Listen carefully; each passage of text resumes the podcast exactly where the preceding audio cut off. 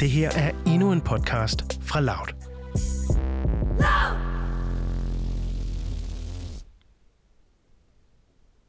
Jeg kan huske, at vi sidder om spisebordet. Vi sidder altid på de samme pladser om det ovale egetræ-spisebord. På det her tidspunkt, der er vi færdige med at spise. I min familie, der var vi ret hurtige til at stikke af, når maden den var spist. På det område, der var vi nok en ret traditionel dansk børnefamilie. Vi stak af for stuen, fordi stemningen ofte var presset. Og min mor var ofte ansvarlig for febrilsk at jonglere den dårlige atmosfære og sørge for, at det ikke kogte over. Når jeg tænker tilbage, så er det noget af det, jeg husker bedst ved tiden omkring spisebordet. Min mors stemme, der fylder rummet, og os andre, der sidder og skubber lidt til maden.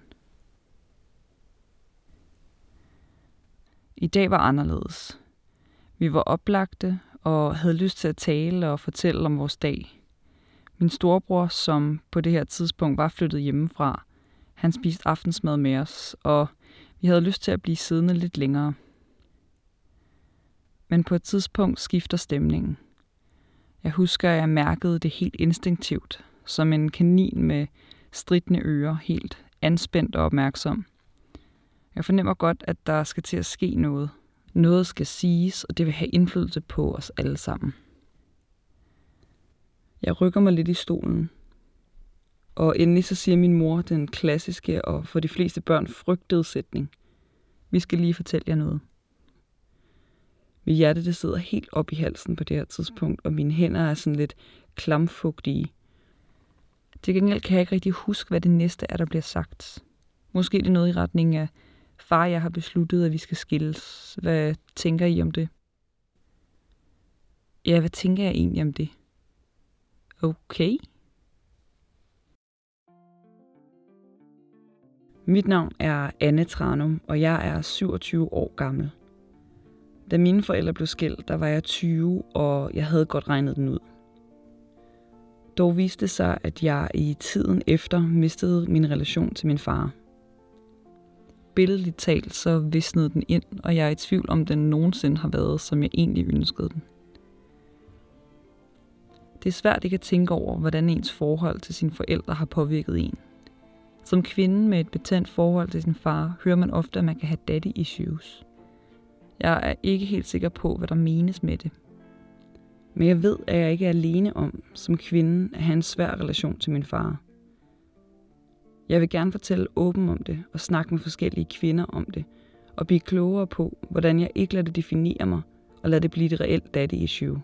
Og jeg håber, at du kan bruge min historie og samtalerne som en lovning på, at du ikke er alene med de svære relationer. For jeg selv kan indgå i samtaler med andre kvinder om deres svære farrelationer, hvad de har oplevet og hvordan de har valgt at håndtere det, så vil jeg selvfølgelig gerne fortælle dig, hvordan min relation til min far blev, som den er i dag. Min mor og far blev som sagt skilt, da jeg var 20 år. Jeg synes selv, at det er en ret høj alder for ens forældre at blive skilt i. De fleste, jeg kender med skilte forældre, de var omkring 4-5 år, da det skete, og mindes ikke brudet som sådan. Jeg så det som, at det var bedre sent end aldrig, at de blev skilt.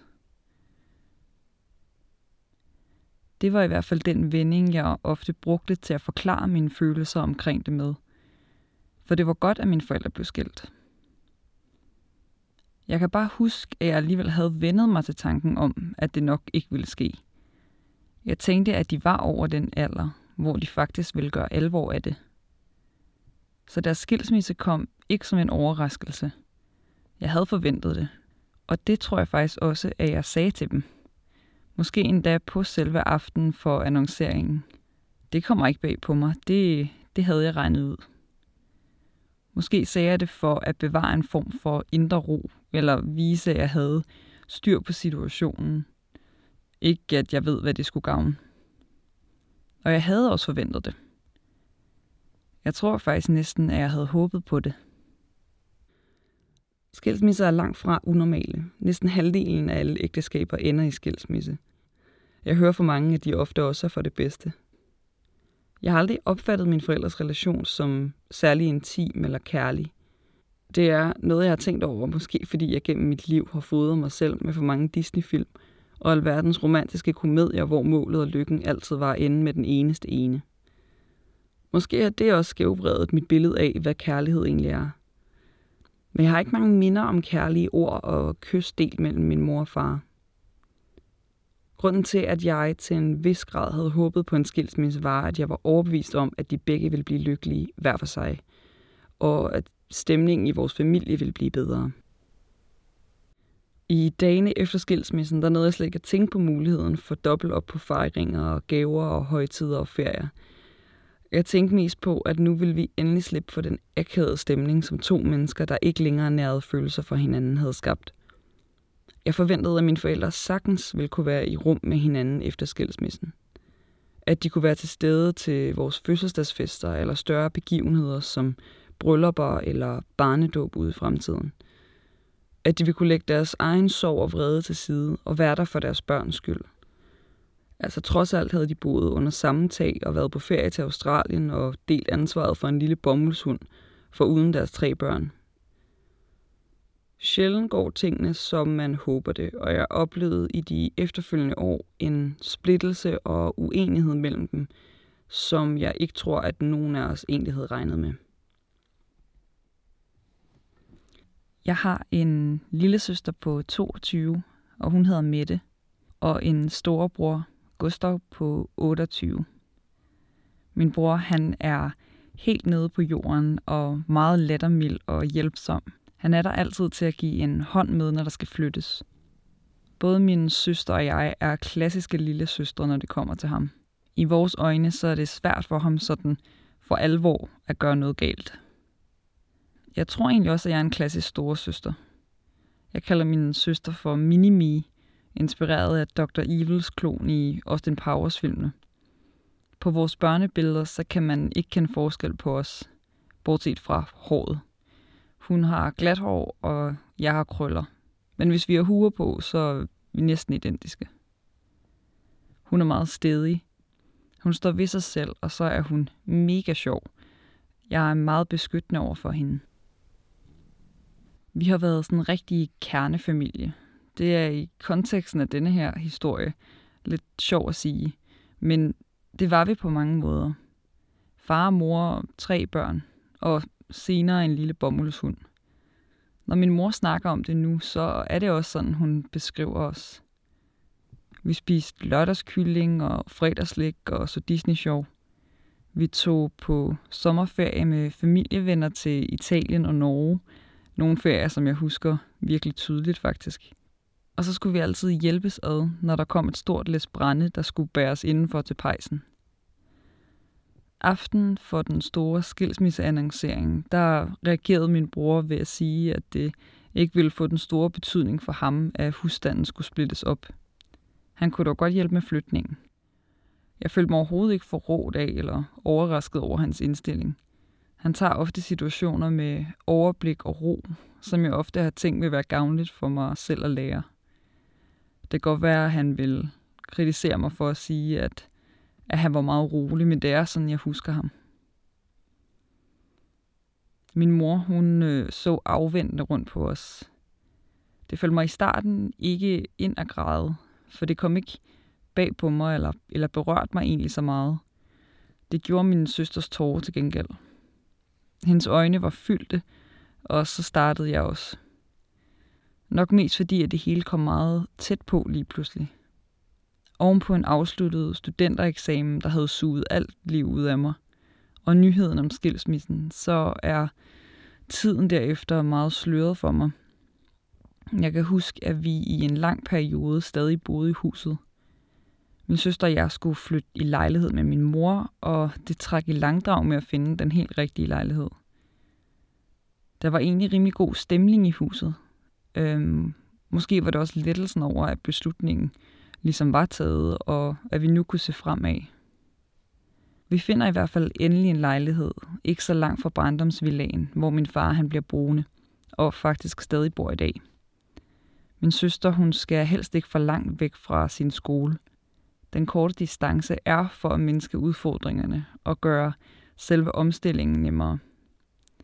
På det område, der gør mine forældre, hvad de kan for at have også børn med i ligningen også. Men jeg kan også huske, at min mor siger, at vi så også har nemmere ved at besøge vores far. At vi stadig har vores værelser op på første salen, hvor vi kan overnatte, hvis det er, vi har lyst. Lejligheden, vi flytter ind i, har to værelser, og jeg får det ene, og min søster det andet. Og jeg burde egentlig nok være flyttet hjemmefra på det her tidspunkt. Øhm, jeg overvejer det også flere gange, men helt praktisk så sparer jeg sammen til et højskoleophold. Og at lægge depositum til en lejlighed, det vil ruinere mig og min, min store plan.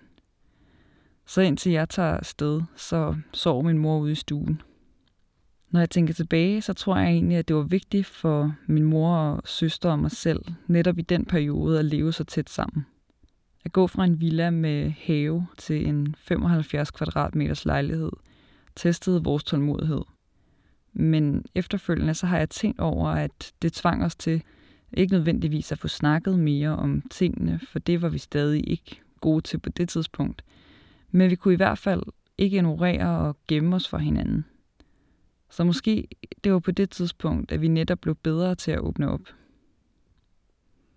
Jeg kan ikke huske samtalerne med mine veninder om, at mine forældre skulle skilles. Jeg kan ikke huske, hvad jeg har sagt til dem om situationen, eller hvordan jeg havde det med det. Og det var sikkert også, fordi jeg var meget i tvivl om, hvordan jeg egentlig havde det med det. Jeg så mig nødsaget til at spørge min veninde, som jeg har kendt tilbage fra folkeskolen, om hun kunne huske, hvordan jeg reagerede. Som forventet, så sagde hun, at jeg ikke fik bragt det på banen med det samme. Men hvordan breaker man også lige den nyhed, når de fleste af dem, man kender og ens veninder, alle har forældre, som stadig er sammen? På en eller anden måde, så... Og det kan godt være, at jeg husker forkert, men jeg mindes stadig, at mine forældre var nogle af de første i min omgangskreds, som blev skilt. Nyheden blev over for mine veninder bragt i en lidt henkastet bemærkning og uden de helt store følelsesudsving. Selvom jeg nu ved, at der intet skamfuldt er i det, så tog jeg det alligevel personligt, at mine forældre ikke kunne finde ud af at være gift. Også selvom jeg vidste, at de ikke havde det godt sammen. Tanken om, at man som barn er den udefrakommende faktor i ens forældres forhold, er svær at ryste af sig – man er ligesom brikken, der er stødt til sidst og har vendt op og ned på det hele.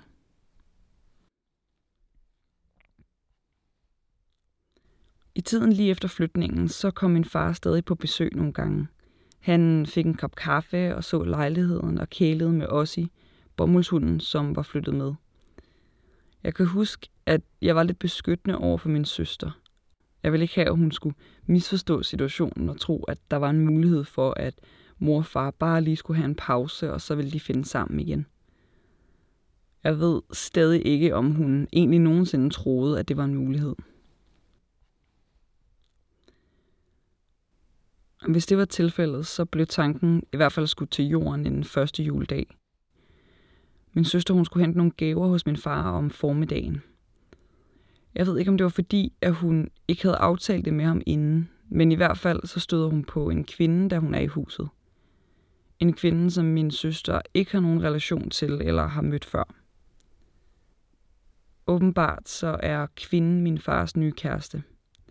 En kæreste, som min bror egentlig allerede havde hørt om, men som han på det tidspunkt synes, at vores far selv skulle have lov til at fortælle os om. Det sker dog aldrig.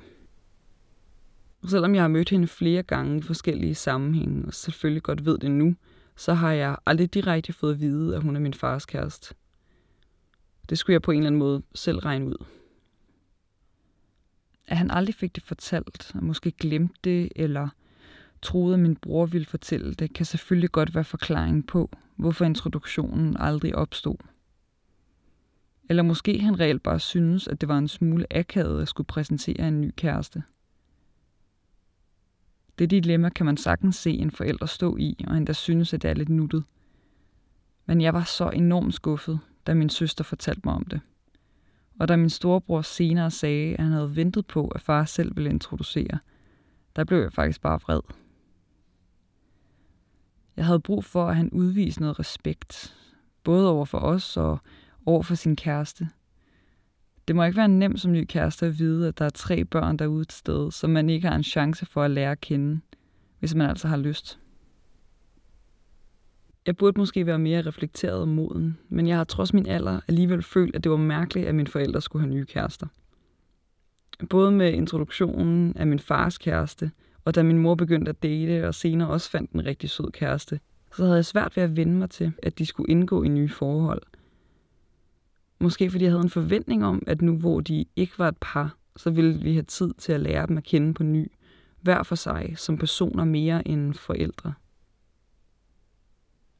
I cirka et år efter skilsmissen ser jeg min far med jævne mellemrum, men så går det rimelig trin for trin i hundene derefter. Jeg ser ham mindre og mindre, og han kommer sjældnere over til kaffe. Vores værelser i barndomshjemmet står tomme, uden møbler eller fyldt med skrammel. På et tidspunkt så bliver overetagen lejet ud til forskellige mennesker.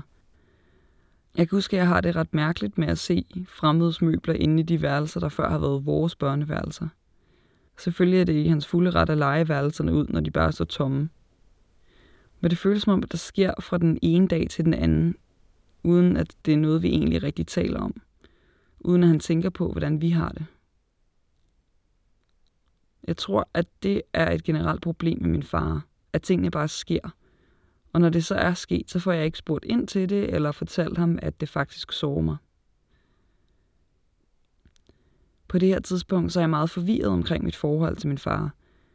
Hvordan jeg har det med måden, han generelt har taktet at få præsenteret sin nye kæreste for os, og hans manglende forståelse for vigtigheden i, at vi også får skabt en relation til hende og lære hende at kende.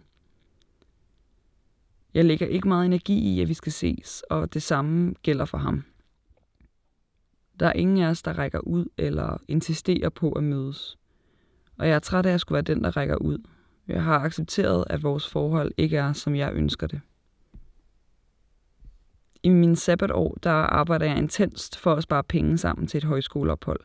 Jeg havde høje forventninger til det at komme væk hjemmefra, og måske en lidt naiv tanke om at komme hen et sted, hvor jeg kunne finde mig selv, som folk ellers havde snakket om. En aften, der afholder vores forstander inden en åben brevkasse i forsamlingssalen. Jeg tror, hun kaldte sig Dr. Love, og man kunne stille spørgsmål om alt, der omhandlede sex og kærlighed og forhold. Jeg skrev mine tanker ned på et stykke papir og smed det i bunken med alle de andre. Jeg sidder ved siden af en god veninde, da min sædl bliver læst op, og hun tager mig instinktivt i hånden. Hvordan kan man håndtere det, hvis man ikke har en god relation til sin far? Efter at have skrevet sædlen og stillet spørgsmålet og lukket det ud i verden, så har jeg haft en forestilling om, at den hellige gral ville vise sig for mig.